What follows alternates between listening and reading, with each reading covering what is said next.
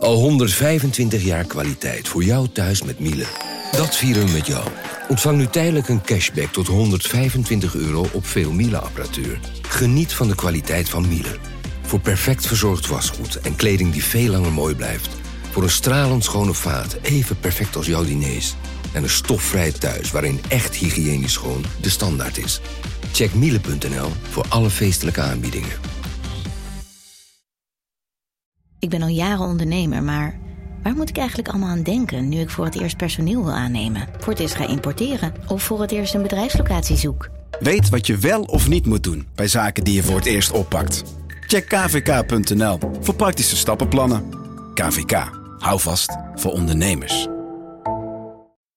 3, 2, 1.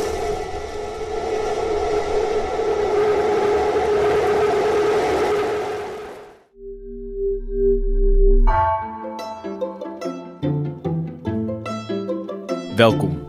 Wij zijn Onbehaarde Apen. Dit is een podcast van NRC over wetenschap. Het is de grootste, krachtigste en zwaarste raket die ooit is gebouwd. En als de aanstaande testvlucht om de aarde slaagt, dan kan deze raket een ware revolutie ontketenen in de ruimtevaart. Ik heb het over Starship, het nieuwste pronkstuk van SpaceX. Kan Starship de hooggespannen verwachtingen waarmaken? Mijn naam is Lucas Brouwers en vandaag zit ik in de studio met wetenschapsjournalist Bruno van Waaienburg. Hallo. En met Hendrik Spiering. Hallo. Je timing is soms uh, even wennen, Bruno, maar... Um... Ik, uh, ik ben zenuwachtig, dus... Uh, nee, dat geeft niet. is nergens voor nodig. Nee, nee want we gaan het gewoon over, eigenlijk net als de vorige keer, over een, een raket van SpaceX hebben. Dus ja. toch de, de, de, de, de, SpaceX drijft ons vaak deze studio in. Um, en ja, Starship het klinkt al uh, als een, een raket vol uh, ambities. Want uh, je, je raket een, een Starship noemen, waarmee, tussen, nou ja, waarmee impliceert dat je tussen de sterren zou kunnen rei reizen, dat zegt al iets over ehm, wat SpaceX, wat ruimtemiljardair Elon Musk met deze raket wil, volgens mij, of niet?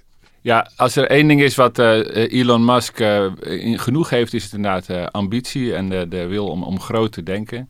Hij heeft een, een versie van deze raket al in 2011 aangekondigd als de Mars Colonial Transporter. dat was vele versies geleden, maar uiteindelijk ja, is, dat, is het de bedoeling om een Mars te koloniseren, niets minder.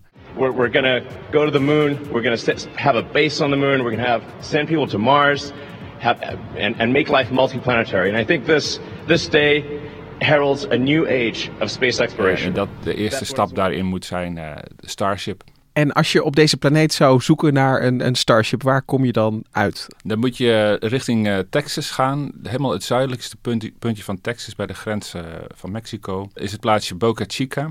Daar heeft hij een enorme lanceertoren gebouwd en een hele fabriek waarin verschillende versies van deze raketten gebouwd worden en op elkaar gestapeld, getest, raketmotoren getest. Een hele ja, soort ruimtevaartfabriek.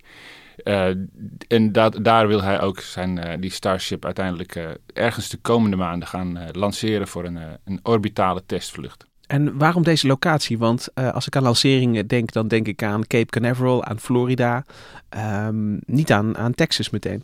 Nou, als je een raket wil lanceren en je wil die in een baan om de aarde brengen, dan moet je eigenlijk alle snelheid uh, meepakken die je kunt krijgen. En hoe dichter je bij de evenaar zit, hoe harder je snelheid meekrijgt van de draaiing van de aarde. Dus dat is, dat is de reden waarom je uh, raketten voor, voor een baan om de aarde altijd het liefst uh, zo zuidelijk mogelijk uh, lanceert. Dus ook vanuit um, Kennedy Space Center is in, in Florida een, een, zeer, een zuidelijk punt in, um, in de Verenigde Staten. Ja, dus dat is wel een logische ja. keuze.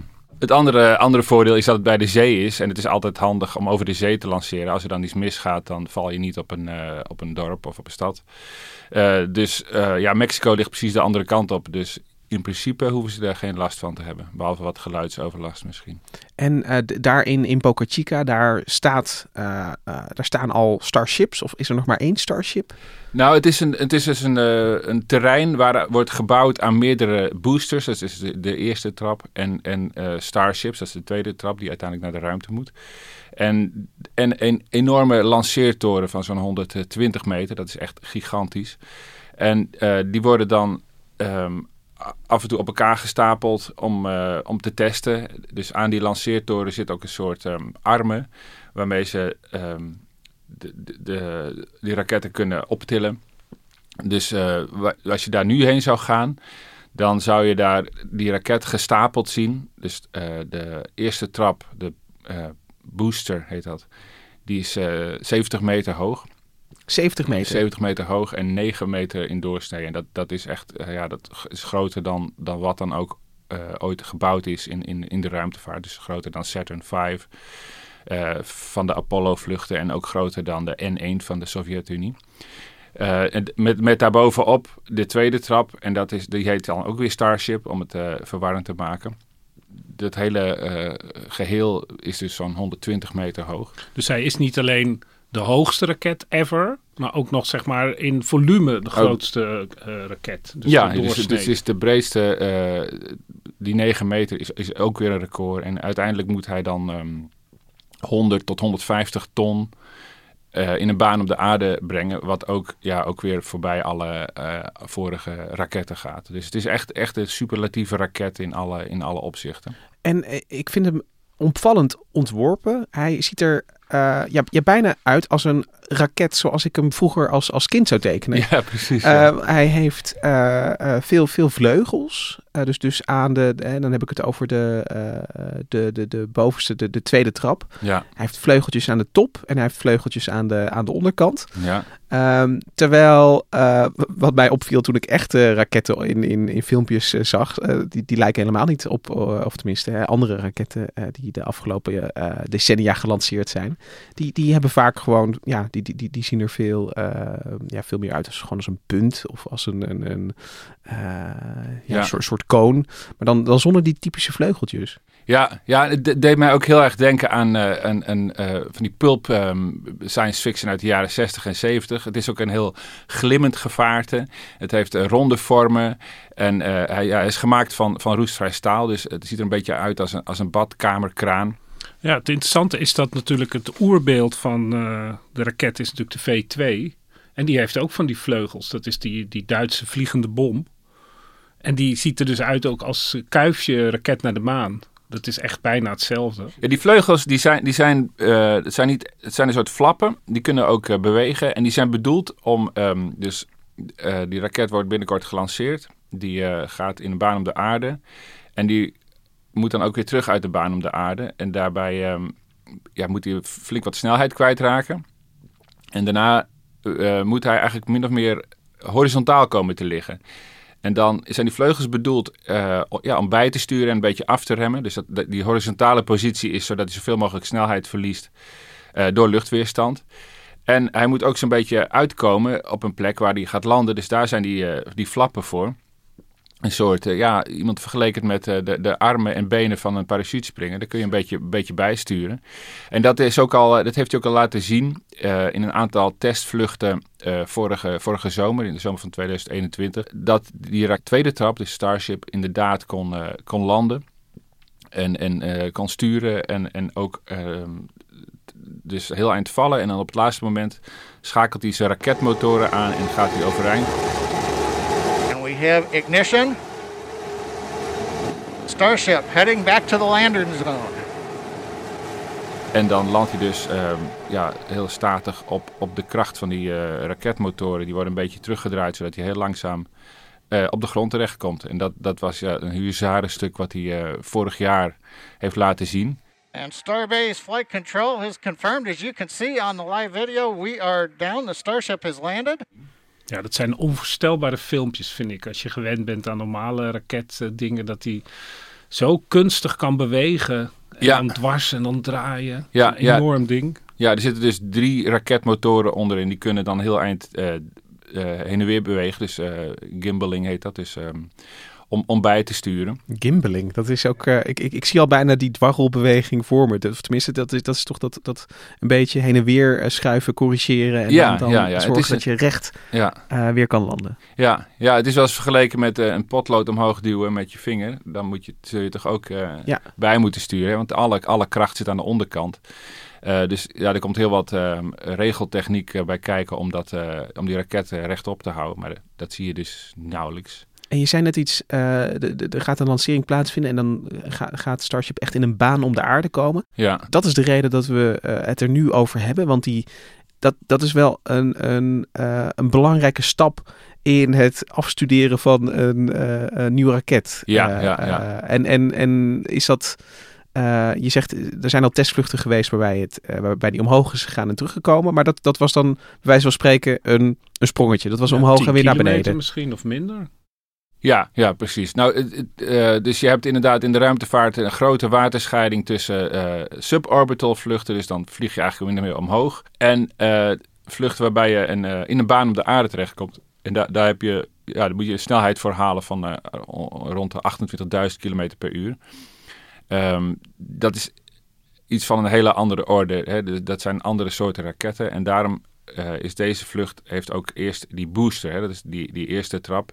Die moet eigenlijk dat, eh, die Starship op, op eh, snelheid brengen. Daarna heeft die Starship, eh, wordt de booster afgeworpen en die landt. En dan moet die Starship zelf ook nog heel eind versnellen. Ehm, en ja, als je dan op een gegeven moment die, ehm, die snelheid hebt bereikt, dan ben je in de baan om de aarde. Dat wil dus zeggen dat je, dat je wel valt, maar zo vaak zo dat je de aarde steeds mist. Het ISS en alle satellieten zijn ook in een baan om de aarde. Op een gegeven moment wil je weer terugkeren, dus dan moet je afremmen. Daarvoor heeft hij dan een, eh, een hitteschild. Dus je, je, je, je, daalt dan weer af in de atmosfeer en krijgt een enorme, enorme wrijving van de lucht. En dat, dat, dat hi- hitteschild moet dan die eerste hitte opvangen en dat, zorgen dat je die ehm, snelheid kwijtraakt.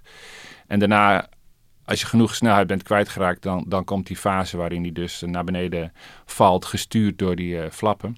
Ja, en dat hitteschild zit maar aan één kant van de raket. Aan de Ja. kant die die dus naar de aarde keert als Ja. die gaat vallen door die... eh, Ja, Dus dat is ook wel weer bijzonder ontworpen natuurlijk. Nou ja, dat, dat, de, de, de Apollo-capsules en, en die hebben natuurlijk ook, die zijn zo ontworpen dat ze het aan één kant. ja, eh, aan de onderkant. aan de Dat onderkant, voelt toch ja. anders dan aan de zijkant Ja, eigenlijk. nou ja, de shuttle had ook, ook, ook natuurlijk vooral aan de, maar aan één kant aan de. Space Shuttle, Ja. eh, aan één kant eh, die uh, hitteschild tegels. Dat is waar, ja. Dus ja, dat moet wel goed gaan, ja. ja, ja. En waar die, ehm, eh, je, gaat dus in, in deze vlucht ga je hele andere systemen testen eigenlijk dan eh, in eh, die testvluchten waarbij je eh, omhoog en weer omlaag gaat. Ja, Hier moet, moet bijvoorbeeld dit, dit eh, hitteschildsysteem is nog nooit getest nee, eh, nee, nee. voor Starship. Nee, dat is ook heel moeilijk te testen. Of tenminste, je kunt er natuurlijk wel in een lab een eh, hete vlam opzetten. ja, maar, dat, daar maar, zijn filmpjes van, maar dat is ja... maar dat is natuurlijk niet hetzelfde Nee. als, als, als de, de totale ehm, eh, geweld wat je overkomt als, eh, als je in een, eh,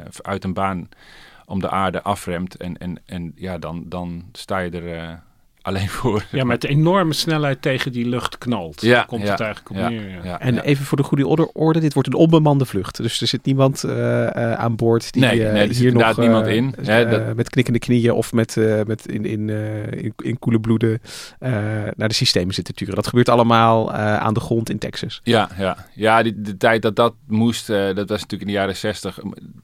Dan moesten astronauten dat echt besturen, want die waren dan de enigen die dat konden. Maar dat is nu, kun je dat zo goed op een afstand doen. Dat, eh, en, en met regelsysteem in zo'n raket, dat, dat eerste vluchten zijn niet meer bemand. En eh, de ingenieurs in Texas die gaan dus vooral letten op ehm, of, eh, of ze die baan kunnen bereiken, eh, of, of die genoeg kan afremmen. Dus, dus het gaat eigenlijk om dat hele spel met ehm, snelheid opbouwen en, en weer afbouwen. Want dat, en dat landen wordt dan niet meer het spannendste, omdat dat al wat uitgebreider getest is. Nou goed, die, die, eh, die Starship zelf is natuurlijk al een keer geland. Eén keer, dus je kunt zeggen... ehm, Hij kan dat- het. Hij kan het, in principe kan hij het. Deze keer gaan ze dat niet proberen. Dus eh, de, de booster die landt een paar eh, 30 kilometer verderop gewoon in zee en die zinkt. En ook de Starship zelf, die laten ze eh, naar beneden komen ergens bij eh, Hawaii. En die valt daar ook in zee. Dus ze gaan niet proberen dat ding netjes neer te zetten. Oh, Dat is voor latere vluchten. Oh, dus dit, dit, dit is nog een, een, eh, een, een een wegwerpvlucht. Dit is hem inderdaad, ja. ja, ja. Maar dan zie je dus hoe eh, precies dat allemaal wordt uitgekiend. Want we zijn nu zo gewend aan dat Musk altijd het onmogelijke doet. Maar nu hak je dat dus wel keurig op. Omdat het anders gewoon te ingewikkeld wordt waarschijnlijk. Ja, ja, ja. En het is natuurlijk ook best wel een risico om bijvoorbeeld eh, boven landweer te willen landen. En dan zou je helemaal, eh, ja. Dus inderdaad, het, doet het in behapbare eh, etappes. En, en de eerste Falcon 9 trappen, hè, die dus nou standaard landen op zo'n Ja. ponton in de zee. Maar de eerste keer dat hij dat probeerde, vielen ze ook gewoon in zee. Gewoon om te kijken hoe ver je kwam. Ja, en ook of hem dan op, precies op de juiste plek in zee kan mikken. Ja, moet ja, je ja. nog maar afwachten natuurlijk. Nou ja, dus, dat komt dus niet zo precies. Hè. De zee raak je altijd wel. Maar ehm, inderdaad, eh, dat hebben ze toen ook opgebouwd. En eigenlijk, Bruno, ehm, had deze vlucht al plaats moeten vinden. Tenminste, eh, eind vorig jaar begonnen wij een beetje te, te corresponderen Ja. over van het, het zit eraan te komen, het gaat gebeuren. Ja, maar Eh, er is geen grotere fictie dan een lanceerdatum, zeggen ze wel eens. Eh, dus in ruimtevaart heb je altijd uitstel.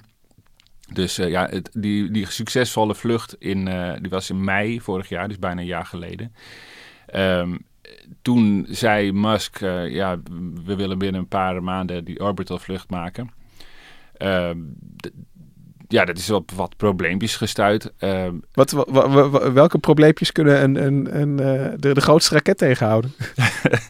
Nou ja, het, het, eerste probleem is eh, Musk time. Dus als Elon Musk zegt dat iets binnen een jaar gaat gebeuren, dan moet je daar op zijn minst twee jaar voor rekenen. Ehm, maar vaak Hij gebeurt het uiteindelijk wel. Hij overdrijft altijd. Hij is, eh, hij is van de strakke deadlines en dan kijk, eh, kijk maar hoe ver we komen. Ehm, het andere probleem is dat eh, ja, er moet gewoon heel veel nog getest worden. En, en, want nu gaat dan ook die booster omhoog. Die heeft nog nooit gevlogen, dus dat is ook geen, geen trivialiteit. En verder, hij heeft ooit een vergunning aangevraagd om daar een, een orbitale lancering te doen. Maar dat was voor een, een andere raket, Falcon Heavy. En ehm, die wil hij nou gebruiken voor deze test. Alleen zijn daar, eh, eh, ja, zijn daar bezwaren op gekomen. Dus de vergunning is nog niet verleend. Die hebt de Federal Aviation Authority. Die moet dat ehm, eh, verlenen. Die hebben dus een aantal reacties gekregen van mensen in, in, in het dorp Brownsville bij Boca Chica. Die zijn niet. eh, sommige mensen zijn, vinden het fantastisch dat daar eh, een raket eh, is. Maar andere mensen zijn er niet zo enthousiast over.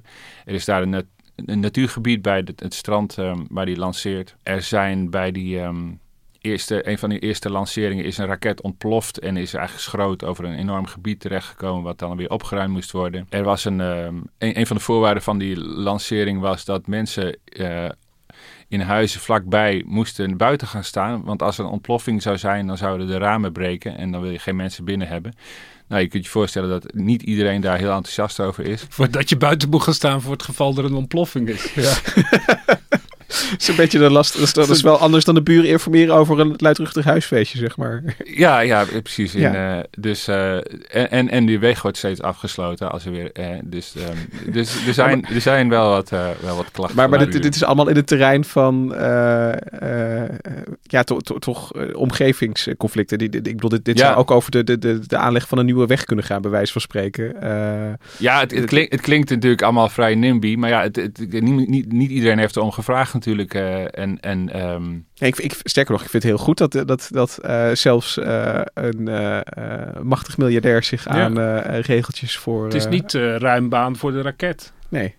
Nee, nou goed, ehm, die, ehm, er is dus een vergunningsprocedure aan de gang. En dat zou eerst in eind december klaar zijn. Toen eind januari, eind februari, eind april. Eh, dus dat, dat is waar we nu op wachten. Maar er is niemand die zegt, eh, niemand die belooft dat de FAA niet eh, zegt, oké, het wordt toch eind juni. nee, het hangt nu eigenlijk bij, bij ambtenaren. Bij, Het hangt bij ambtenaren, maar ook moet gezegd worden dat een aantal tests door, van, van, van de techniek ook nog niet gedaan zijn. Eh, en ja, dat is helemaal in lijn met hoe het altijd gaat. Eh, kondig een datum aan en kijk of je het haalt. Ja, want er moet natuurlijk nu ook eindeloos getest worden of die, dat eigenlijke Starship goed samenwerkt met die booster. Dat moet er natuurlijk ook allemaal eindeloos. Die staat er nu op. Dat is misschien voor een deel natuurlijk al gedaan. Ja, Maar dat, Ja, ik, het- ik, er, is ook, er wordt ook wel eens volgens mij een. eh, ik herinner me dat er ook wel eens zo'n lancering werd afgelast. omdat de tijd dan net precies niet goed was. Of toen is er. eh, dat was toen met zo'n eh, NASA-raket. Dat die ook in de war was uiteindelijk. Dat Nou, ik, ik heb, ben een keer bij een lancering van een shuttle geweest. Toen gingen ze Columbus, de Europese ISS-module, lanceren. En dat ging, de eerste, dat ging de eerste dag niet door, want een, een metertje in de Space Shuttle gaf niet aan waar de brandstof stond. Echt heel, ja, een beetje kapotte, hè, wat je in de auto Ja, ook wel eens ja, dan sla je erop. Maar het ging elke weer. dag mis. Toen zijn we na zeven dagen onverrichte zaken naar huis eh, gegaan, omdat ja, die tank gewoon niet goed werkte. Maar je zei dat je bij een lancering was geweest, maar dat was... Dat, ik ben er bij de andere keer ging het wel goed. Oké.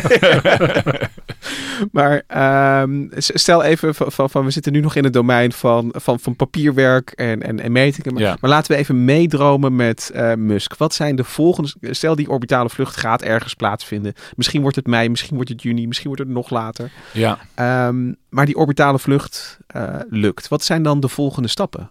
Ja, het idee is uiteindelijk, hè, dat, eh, dat is ook het bijzondere van deze raket, dat, dat de hele boel herbruikbaar wordt. Dus ehm, eh, die booster moet terugvliegen en die, ehm, die moet, dus eh, oorspronkelijk plan was je gaat landen, maar Musk zou Musk niet zijn als hij het niet toch iets, eh, iets anders bedacht. En wat het nu het plan is, aan die lanceertoren zitten twee enorme armen van, van 30 meter, die ehm, eigenlijk die booster uit de lucht moeten plukken. Dus Uit die de booster, lucht? die bo- booster moet precies naar die lanceertoren vliegen, heel langzaam afdalen.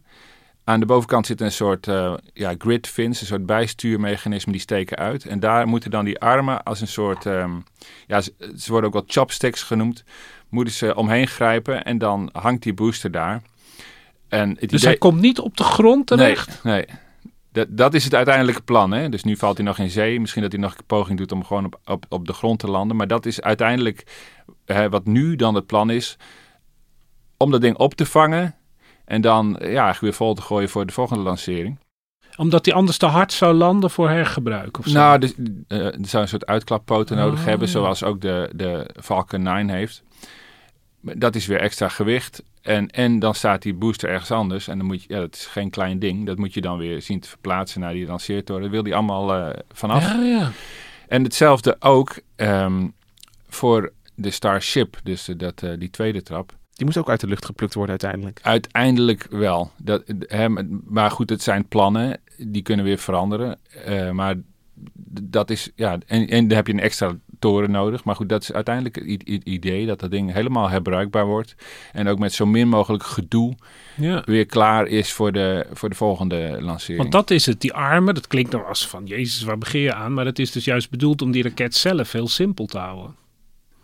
Zodat ja, die dat, poten ja, dat moet zou je dat kunnen en, zeggen. eh, ja, ja, ja, ja. Maar het is, het is ehm, in, in, in die zin wel exemplarisch voor, eh, voor, voor de strategie achter deze hele eh, techniek, achter deze operatie. Om, Ja. ehm, eh, om, om, om dus, het doel is herbruikbare raket. Ja. En dat helemaal door te voeren. En dan zelfs als, als er eh, dat als iemand zegt van ja, we kunnen de, de booster ook eh, uit de lucht grijpen. Dat, dat er dan niet, eh, dat dat niet wordt weggewoven als een, als een gekke fantasie, maar dat daar serieus werk van wordt Ja. gemaakt. Nou ja, kijk, toen, toen die, die Falcon 9 boosters land, toen hij dat probeerde te landen, werd hij ook een beetje lacherig over gedaan. Van ja, dat kun je nou wel willen. Maar dat is uiteindelijk ook gelukt en min of meer routine geworden. Dus die dingen komen heel precies op, dat, op, op zo'n ehm, eh, ponton in de, in de zee, zee terecht. Dus ja, het is niet helemaal. Het, het zou best kunnen dat dat lukt uiteindelijk. Ja, maar hij gaat wel in tegen, tegen 60 jaar eh rakettentraditie. Ja, nou goed, maar dat is natuurlijk heel erg eh, de, de, de mindset van Mu- Musk is van wij, wij gaan het anders doen. Wij gaan plannen maken, we gaan die proberen en als iets misgaat, dan passen we wel aan.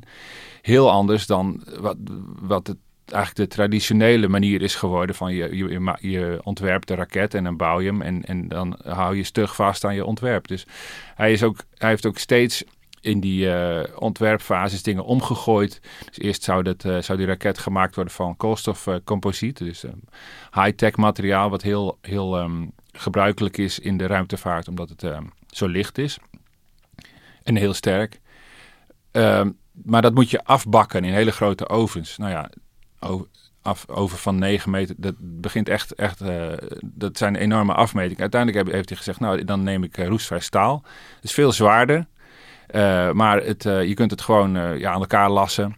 En um, uiteindelijk is het makkelijker in, in het gebruik. Dus, en, en dat het zwaarder is, dan gooi je er wel weer wat meer brandstof in.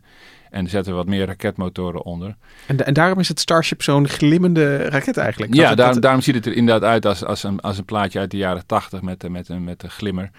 Um, het is gewoon uh, ja, een redelijk uh, gewoon goedkoop materiaal uh, waar die van gemaakt is.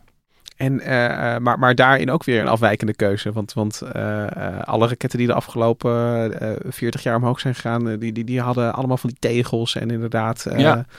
het, het, het, is, ik, ik heb nog een, een inderdaad ook een ijzeren wielrenfiets. Maar de, ook daar is carbon tegenwoordig helemaal de, de, de, de rage. Ja. ja, het heeft ook te maken met, um, met de hittebestendigheid van, van het metaal. Dus uh, dat houdt zich eigenlijk redelijk goed als het, uh, als het heet, heel heet wordt. Maar ook als het heel koud wordt. Hè? Want die, die raketten worden volgegooid met uh, cryogeen methaan en, en zuurstof. Dus dat, en cryogeen betekent dan? Dat dat, dat, dat ongeveer ja, 150 graden onder nul Ja, dan is. moet je wel tegen kou kunnen natuurlijk. Dus de, veel materialen worden er heel, heel um, bros van. Bros van. Ja. Um, dus daar, ja, dat is daarin dan ook weer meegewogen.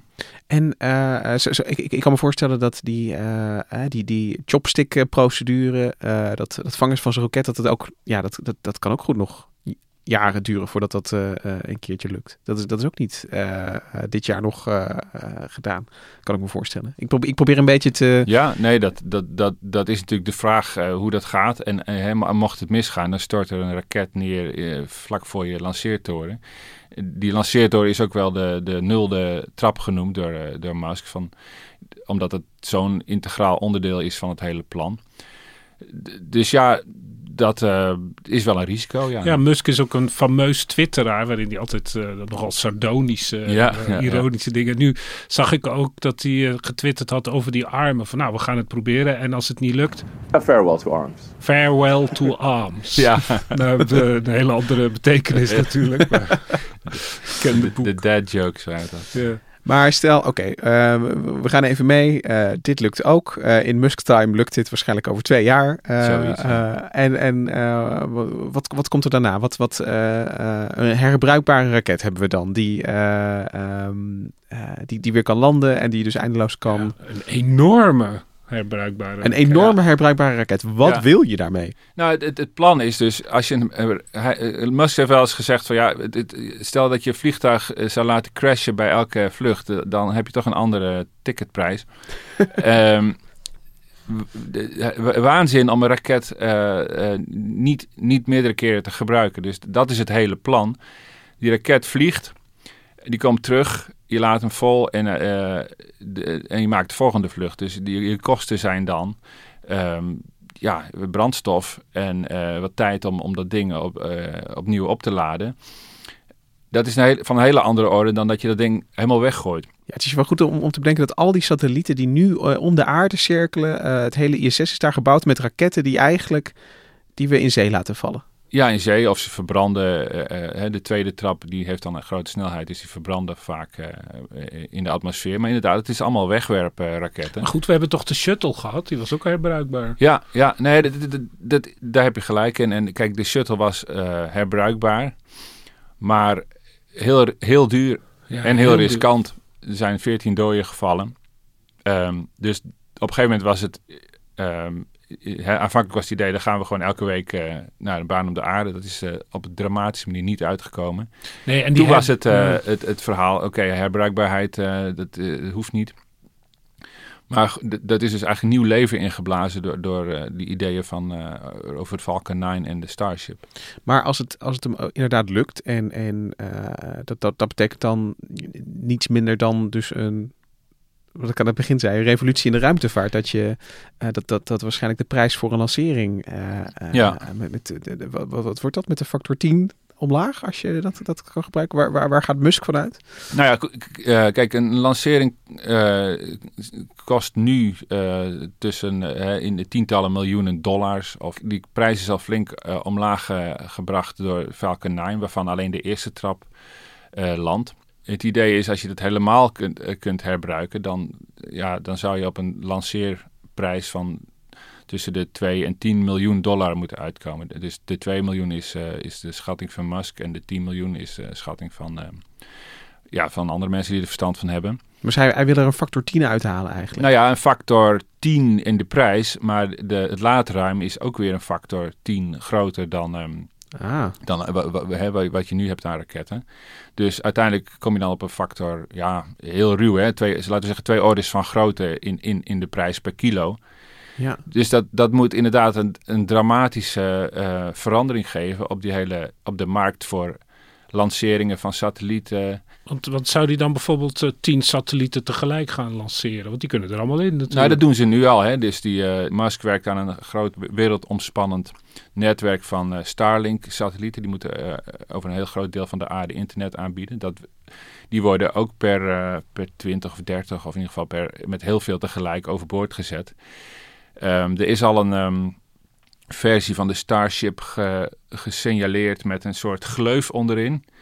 En de speculatie over waar het voor is, maar ja, dat zou kunnen zijn om die satellieten, die zijn vrij plat. Hè, dan kun je ze stapelen. Die, gewoon Als eh, schijfjes uit als een te, soort, ja, eh, als een uit te soort- werpen. Ja, precies. Als een soort. ehm, eh, Als hulpgoederen uit een Hercules-vliegtuig. Zeg ja, een soort klein duimpje methode. ehm, eruit te gooien. Dus het is ook. ehm, ja, er wordt gedacht dat eh, de Starship ten eerste belangrijk is voor zijn eigen eh, Starlink-project. Dat het eigenlijk niet uit zou kunnen, zelfs niet met zijn eigen Falcon 9-raket. Dus de, dat. dat ehm, hè, die kosten meer omlaag moeten.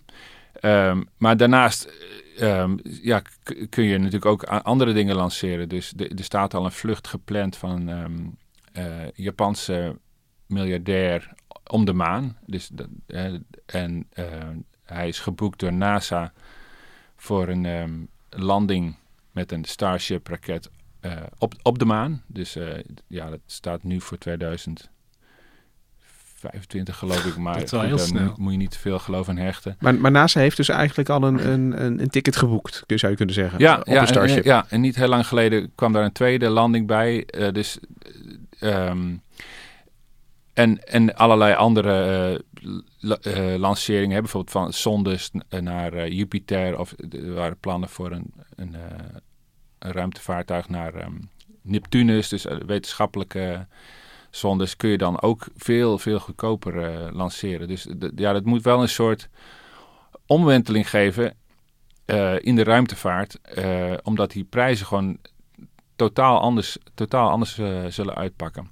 Het is, het is, ik, ik, ik, ik hoor je en ik, ik moet er ineens denken van het is alsof je ineens van een, van een, van een 17e eeuws eh, eh, VOC-schip naar, naar een containerschip gaat bijna. Van, van met, met wat er dan ineens mogelijk is, is natuurlijk, weet je, je doet in principe hetzelfde, goederen verschepen, dus Ja, dingen ja. in een baan om de aarde brengen, maar de schaal verandert en daardoor verandert toch het, het, eh, eh, het, het hele spel, het hele Ja. systeem. Zoals je vroeger in acht uur naar Parijs ging met de trein. En nu in, eh, wat is het, 2,5 uur bijna volgens mij. Ja, nou ja, er is natuurlijk nu al een enorme hoos aan de gang. Hè. We hadden een paar, een paar jaar geleden hadden we een paar duizend satellieten. Dat moeten er dan tienduizenden worden. Als je alle plannen kijkt van dat soort constellaties zoals Starlink, maar ook van ehm, ehm, Amazon. Die willen allemaal wereldomspannende netwerken gaan maken. Dus er zit al een enorme ehm, stijging in, in de vracht die we naar de, de ruimte brengen. Is nu al aan de gang. Ehm, dat, dat, moet, ja, dat zou alleen nog maar ehm, meer worden. Dus eh, een een van de varianten van Starship is ook een, ehm, een tanker. Dus dan zou je omhoog vliegen met een eh, voorraad brandstof. Dan komt er een tweede. Die tankt bij en dan kun je een aantal keren bijtanken. En dan kun je weer verder naar de maan of naar Mars. Dus ja, het, wordt iets van een heel andere, heel andere orde. Ehm, en Veel uiteindelijk... praktischer eigenlijk. Veel, op een bepaalde manier veel... eh, veel gevarieerder. Het is van alles mogelijk ineens. Ja. Met zo'n, eh, alsof je zeg maar ineens een bakfiets hebt waarmee je naar de Ja, of misschien eh, kun je het vergelijken met de container in de, in de, in de Ja. scheepvaart. Dus je hoeft ook niet meer ehm, heel precies je raket te kiezen bij, waar, waar dan je, la- je, je vracht precies in past. Die worden, dat, wordt, dat wordt nou vaak in hoge mate op maat eh, gemaakt per vracht. Maar ja, dat dat, de beperkingen in, in ruimte en, en in gewicht zijn, zijn zo licht dat, dat, dat je daar veel eh, makkelijker eh, kunt zeggen, nou, we doen gewoon toch weer de Starship. We hadden het een, een paar maanden geleden, had jij het Hendrik over met, eh, samen met Laura over de James Webb telescoop. En dat Ja. was één grote oefening in opvouwen, eh, opfrommelen, Ja, eh, gewicht laag houden. Ja, ja gew- ge- gewoon een, een, een exercitie in, in, in schaven en vouwen. ja. Ja, ja, al die ruimteprojecten zijn natuurlijk ja, eindeloos op de grenzen zitten van wat er nog net kan binnen het mogelijke gewicht. En dan ehm, ja, heel, heel high-tech, eindeloos eh, eh, eh, verschillende modellen doorrekenen en dan kan er nog een grammetje af. Dat, dat zal natuurlijk ook veranderen als het, als het maar eh, eh, eh, 100 dollars per kilo gaat kosten. Dus ja, je krijgt een ander soort, een ander soort ruimtevaart. Als ik het even heel dramatisch mag zeggen, is dit gewoon een, een, eh, een, een, een stapje in het eh, eh, ja, ruimtelijke volwassen worden van, eh, van de mens, als je Ja. het zo ziet. Nou ja, ja, als je het zo... Kijk, eh, Musk is natuurlijk vanaf het begin, eh, toen hij die eerste versie hiervan aankondigde, die heette toen nou toch eh, ja, de Mars Colonial Transporter en later heette die de BFR, de Big Fucking Rocket. Nou ja, je, dat Ja. Big Falcon Rocket. Goed, en eh, het idee was, we gaan heel veel vracht naar Mars brengen. Dus eh, volgens, ja, Allemaal depots. miljoenen eh, tonnen. Ja, dus hij heeft iets voor ogen wat, wat eh, ja, kwalitatief van een andere orde is dan eh, wat er tot nu toe gedaan is. Dus eh, ja, met, met dagelijkse vluchten zou je... hè, uiteindelijk wil hij drie keer per dag gaan vliegen met, met dat ding. En dan ja, zou je in een jaar eh, eh, ja, duiz- duizenden tonnen naar de ruimte kunnen brengen. Dus het is echt een, eh, ja, een, een ander, ander soort... ehm, De ruimtevaart moet een beetje worden zoals Ryanair, zeg maar. Gewoon eh, heel eh, goedkoop, veel. ja, ja, ja. Een logistieke revolutie wordt het dan. Want- Ja. En, en, en tegelijk, want, want als je dan een, eh, als, als het allemaal lukt, eh, Ja. en, en je zou dus, dus over 100 jaar een foto van de aarde maken, dan, dan cirkelt daar alleen al eindeloos veel meer satellieten omheen Ja. dan, eh, dan nu. Ja, dat, geeft, dat kan ook problemen geven. Hè. We hebben nu al een probleem met ruimtepuin, waarin sat, satellieten elkaar in de weg zitten en, en, en gevaarlijk voor elkaar zijn. Zo, heel af en toe botst er één en dan geeft dat weer meer puin, meer problemen. En ja, daar zijn ook wel kritische geluiden over. Een ander kritisch geluid is dat astronomen nu eindeloos veel Starlink-satellieten in hun, ehm, in hun eh, foto's van de hemel zien. Dus eh, ja, als, als zo'n revolutie eraan komt, dan zitten daar ook, eh, ook eh, eh, negatieve kanten aan. En dan heb ik het alleen over de, de aarde met zijn satellieten. En, maar hoe ja, realistisch of concreet is dat hele, ja, die hele Mars-droom van Musk? Is, is, daar is Starship toch ook cruciaal voor? Ja, wie, wie zal zeggen hoe realistisch dat is? Kijk, als je daar met een bemanning heen wil, dan kom je echt voor eh, problemen staan die nog niet. eh, ja, nieuwe, nieuwe problemen. Hè? Je bent een half jaar onderweg. Je kunt niet terug zoals de astronauten in het ISS nu. Er is onderweg straling. Je moet daar zien te landen. eh, en ja, je bent gewoon eh, aan jezelf overgeleverd. Dus hoe realistisch dat is, daar, daar gaan we vanzelf achter komen. Eh, het onderscheidende punt is dat dat die raket heel veel vracht tegen weinig kosten omhoog kan brengen. Volgens schattingen van Musk waren er geloof ik 10 miljoen ton nodig om een soort ehm, kolonie op Mars te beginnen. Ja, dat, zo'n cijfer, zo'n getal, dat, dat, ehm, hè, dat, dat zou kunnen, wie weet. Ehm, maar het is wel duidelijk dat je zoiets wel nodig hebt, eh, mocht je ooit zo'n droom willen, eh, willen gaan uitvoeren. Ja, die raket die heeft eigenlijk door zijn lage kosten één bezwaar die je zou kunnen hebben tegen dat soort massreizen weggenomen. Als het, als het allemaal eh, lukt natuurlijk, dat moeten we nog afwachten. Ja. Dat, dat het zo onvoorstelbaar duur is om zoveel vracht daar naartoe te brengen. Ja. Vervolgens heb je dus die problemen die je al noemt. Ik zou ook nog de psychologische problemen van de bemanning willen noemen. Dat je daar zo ver, dat, dat kennen we ook niet. Ik bedoel, er zijn een paar mannen, mensen, eh, een weekje op de maan geweest. Dat is het. Mhm. En vanuit het Space Station ben je een anderhalf uur terug op aarde. Wordt vaak vergeten. Dat is, eh, Ja, als je naar eh, Brussel wil, dan duurt het langer, bij wijze van spreken. En eh, ehm, eh, is, is, is dat, eh, hoe concreet wordt daarover nagedacht over de brandstof die je dan bijvoorbeeld moet, moet installeren op Mars? Is, is, zijn, daar, zijn daar al tekeningetjes voor of is dat nog, nog eh, Ja, da- da- daar is uiteraard over nagedacht. Een, een van de onderscheidende kenmerken van deze raket is dat die brandt op vloeibaar methaan, dus min of meer aardgas en, en een vloeibaar zuurstof. Musk heeft een, een raket gebouwd die brandt op, op aardgas. Op aardgas, ja. Dus eigenlijk, eigenlijk niet- ik bedoel, dit- eh, feitelijk niet anders dan wat er uit mijn eh, fornuis komt. Nee. Oké. Nee, eh meest, eh, veel raketten van nu draaien op, of op ke- kerosine of op eh, vloeibare waterstof. High octane fuel. Eh, high octane fuel, ja. Dus, eh, maar het idee hierachter is eh, A, dat methaan heel schoon brandt. En ehm, de SpaceX heeft zelf een eh, een raketmotor ontworpen, de ehm, Raptor. Dat is nou een tweede versie van die, 200, ja, die 233 ton stuwkracht geeft. Daarvan komen er 33 onder de booster. En ehm, als je, eh, die moet dus heel vaak herbruikt kunnen worden. Dus die wil graag dat die schoon brandt, geen roet in je motor. Het andere is dat je methaan kunt maken op Mars. Daar heb je eh, CO2 in de atmosfeer. Dat zou je kunnen invangen en eh, met zonne-energie omzetten in methaan. Dus dan kun je ook weer een voorraadje voor de terugreis maken. Ehm, dus eh, ja, dat, in die zin is daar al, alweer rekening mee gehouden met de, met de verre toekomst. Als ik het even mag samenvatten, kom je dus eigenlijk uit op een, een eh, ook staal, eh, methaan op een best wel versimpelde raket. Dus terwijl de hele raketindustrie ehm, eh, toch naar richting complex, eh, complexe technieken eh, ging, eigenlijk een soort specialisatie, is Starship aan de ene kant back to basics, als je naar die materialen kijkt. Maar in de logistieke operatie met, met, met die chopsticks, met, met die hitteschilden, met die raketmotoren. Ook, Die ook wel weer- vleugeltjes. de vleugels. Ehm, ook wel weer eh, innovatie op, op, op hele andere terreinen, maar, maar niet, eh, niet zozeer in eh, de raket zelf. Nee, nee, dat klopt.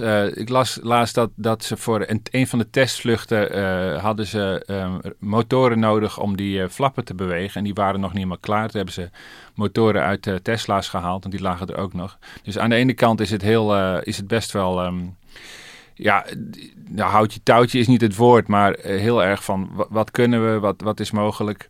Nou ja, wat heel praktisch gezien. Ja, dat, vind ja. ik, vind ik eigenlijk dat je dan denkt van nou, dan nemen we toch staal. Ik bedoel, het is op een gekke manier ook out of the box denken. Als je zo Ja. in die titanium koolstof eh, composiete eh, weg bent opgegaan, dat je daar gewoon vanaf gaat. En ik luisterde laatst een, een podcast, eh, een lievelingspodcast van ons, Hendrik, Hardcore History. Oh, Daar was eh, Musk in te gast, samen met een ingenieur. Ja, die heb ik ook gehoord. Ja. En wat me zo opviel is dat hij, ja, hij, hij, is, het is, hij is niet heel fijn om naar te luisteren. Hij formuleert niet, niet prettig of iets dergelijks. Maar de, de, het inhoud van die podcast ging eigenlijk over ja, jachtvliegtuigen eh, Oh, van ja. rond de Tweede Wereldoorlog. Ja. En, en zeg maar de overgang naar eh, eh, straalmotoren. eh, en gewoon het, het enthousiasme over ehm, ja, de techniek en de luchtweerstand en, en de, de, de, hoe, je, hoe je moet manoeuvreren. Ja, het nadeel van de gebrek, gebrekkige pansering van de eh, Japanse vliegtuigen, die daardoor wel heel snel waren, maar ook heel makkelijk uit de lucht te schieten waren.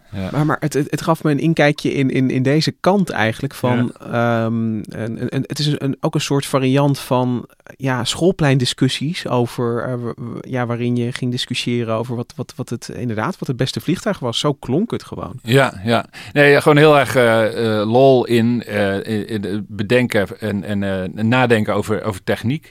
En ja, je, je, die hele aanpak van, van ehm, SpaceX is, is natuurlijk heel anders dan wat in de, de, ruimtevaart eh, gebruikelijk was. Hè. Dat is, dan maak je een ontwerp en dat besteed je dan uit en dan ga je dat kosten wat kost eh, uitvoeren.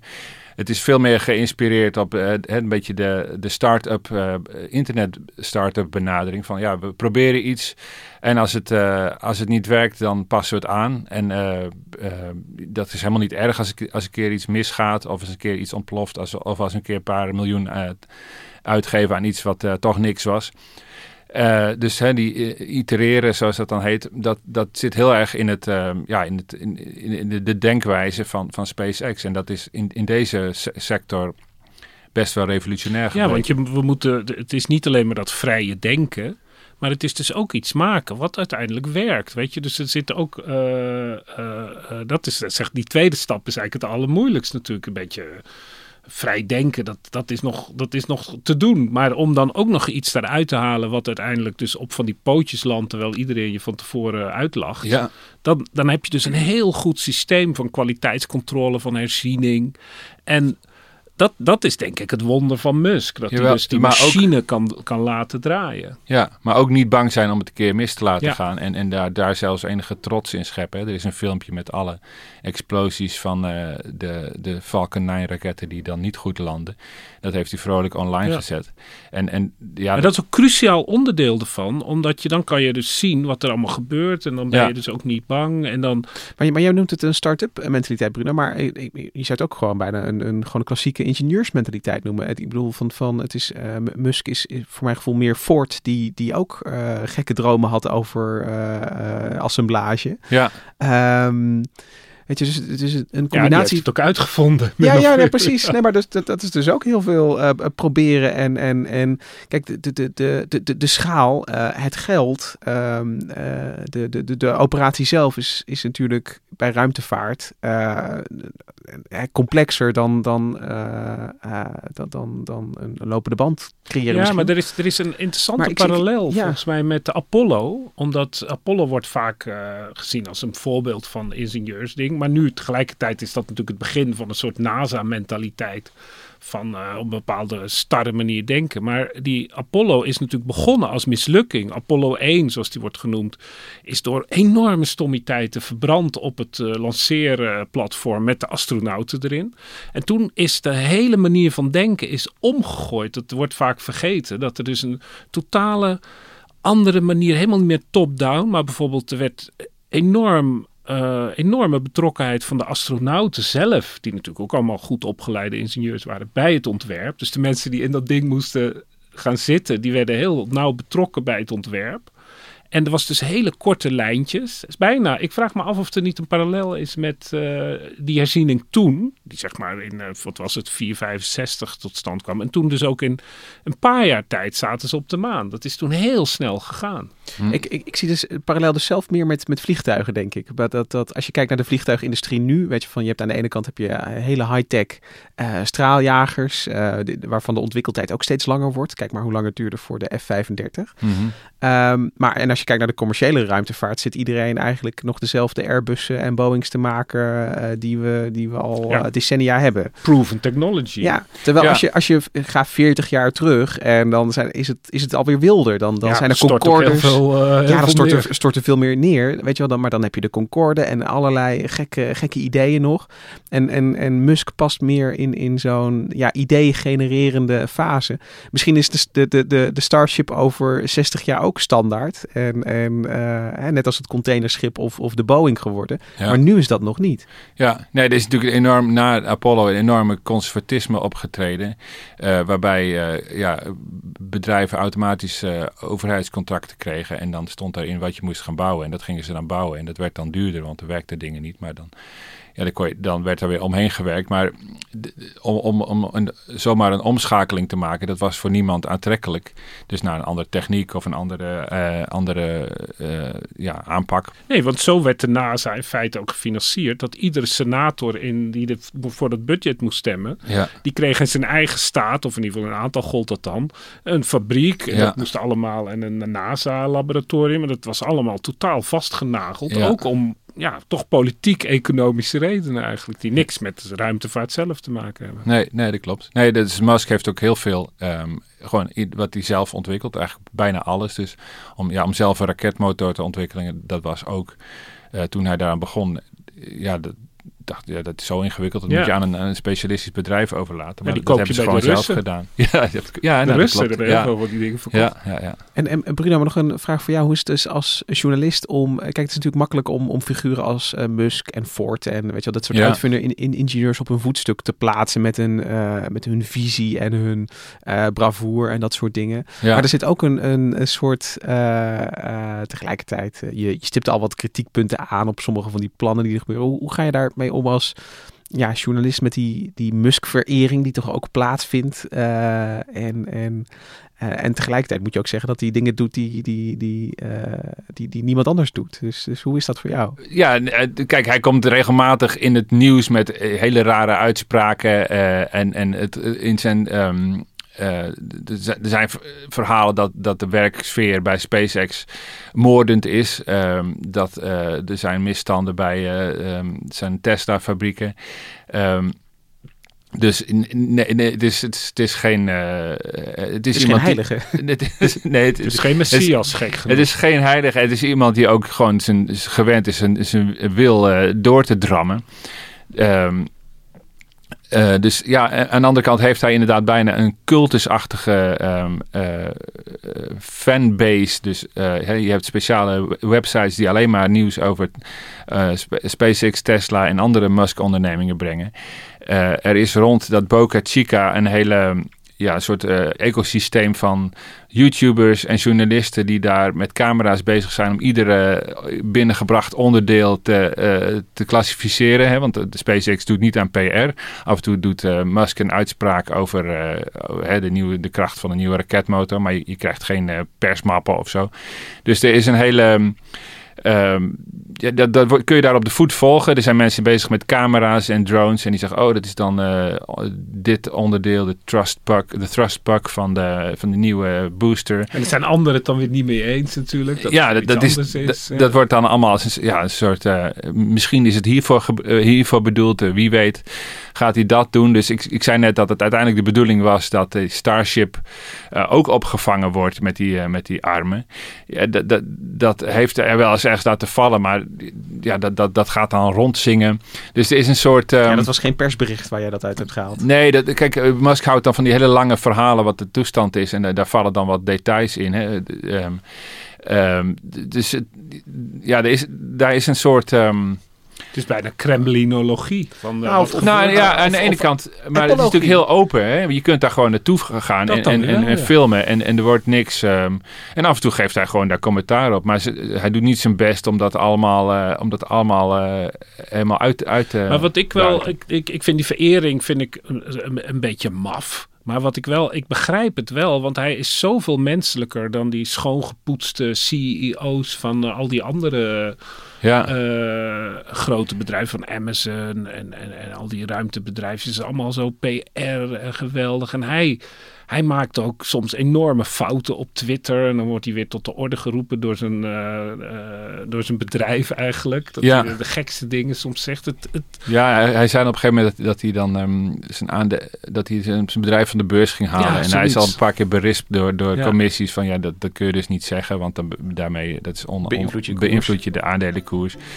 Ja, en, en ja, het, het is een beetje een, een, een, een, een, een rare gozer in die zin. ja, die wel iets bereikt. En dat, anders was het gewoon een rare vent. ja, Maar nu is het een rare vent die iets bereikt. ja, ja. Een rare vent met een dram. Nou, dankjewel Bruno dat je hier ons eh, toch eh, kwam vertellen wat die droom precies behelst. En toch ook welke soms moeizame stappen daar naartoe gezet worden. Want vooralsnog is het gewoon wachten op een lanceervergunning in Boca Chica. ja. Ehm, eh, ik denk dat we als het zover is, dan is op nrc.nl vast door jouw hand een verslag te lezen van deze testvlucht, wanneer die ook gaat plaatsvinden. Dankjewel Bruno van Wijnburg. Dankjewel Hendrik Spiering ook. Dankjewel Liz Doutsenberg voor de productie van deze aflevering. De muziek die je hoort, die is gespeeld door het Tudor Quartet. En wij zijn er volgende week weer met een nieuwe aflevering. Tot dan!